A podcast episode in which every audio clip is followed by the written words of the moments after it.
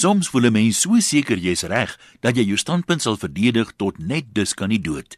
Sommige mense het hulle standpunte al verdedig tot net ander kan nie dood, maar party van hulle was verkeerd en het dus verniet gesterf.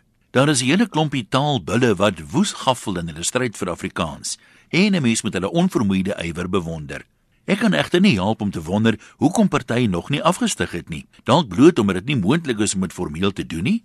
Vanaf die evangelie verby die groot trek tot by die politiek, wemel dit van voorbeelde van mense wat hulle beywer het vir 'n standpunt. Maar as hulle sien hulle maak nie juis hond haar af nie, stig hulle bloot af en trek met 'n paar ondersteuners in 'n ander rigting. Nie noodwendig dwars nie, of begin 'n ander kerk of party om 'n suiwerder leer te verkondig, volgens hulle natuurlik. In die geveg om Afrikaans is dit duidelik dat nie almal dieselfde laar verdedig nie.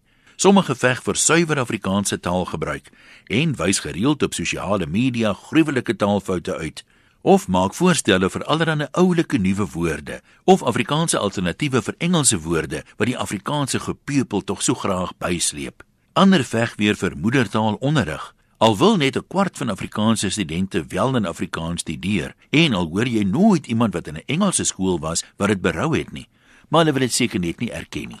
Dit is alles lofwaardige pogings wat baie goed bedoel word, maar die een ding wat niemand nog behoorlik kon verklaar nie, is hoekom so min Afrikaanssprekende mense hulle moedertaal suiwer kan praat. Die eksponente van die rare fenomeen, soos Rian Kruiwagen en Kie, raak nou so skaars soos ossewa wiele. Dis hartseer, maar vraag en aanbod kalwe hulle fondamente onder hulle uit. Ek vermoed Afrikaans is 'n baie moeilike taal om goed te leer praat, want hoogsgeleerde mense kry dit nie reg nie. En selfs omroepers, wat dan seker ten minste skaflike woordsmede moet wees, staan ook maar dikwels op leë blikke. Net gister gee een vir sy luisteraars leidrate om 'n raaisel op te los. Mense sê graag die moeilikheid is dit ons nie meer lees nie of nie meer klank nie of te veel SMS. Is hierdie redes dan eie aan Afrikaans? Lees Engelse kinders meer en SMS minder? Of gaan hulle taalgebruik ook so agteruit? Maar hier lê die ding. Almal haal graag getalle aan oor hoe Afrikaans een van die grootste tale in ons land is.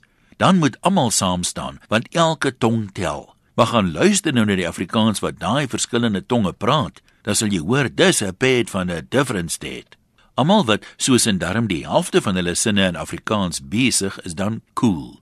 Maar net môre word daai selfde mense weer uitgekryt omdat hulle Engelsikaans praat of in die Kaap inwoon of hulle kinders in Engelse skole sit. Dalk moet ons weer 'n bietjie besin oor wie almal soldate vir Afrikaans kan wees as ons die oorlog wil wen en nie net 'n veldslag of twee nie. Is iemand wat na Afrikaanse tunes luister omdat dit vir hom awesome is, Afrikaanse vriend of vyand? 'n Halwe eier is mos darm beter as 'n leë dop of hoe? Ek hoor in die grensoorlog is meer van ons seuns gedood deur eie vuur as deur die vyand se. Dit sal regtig sad wees as dit met ons taal ook moet gebeur. Groete van tong tot tong, Antoniem.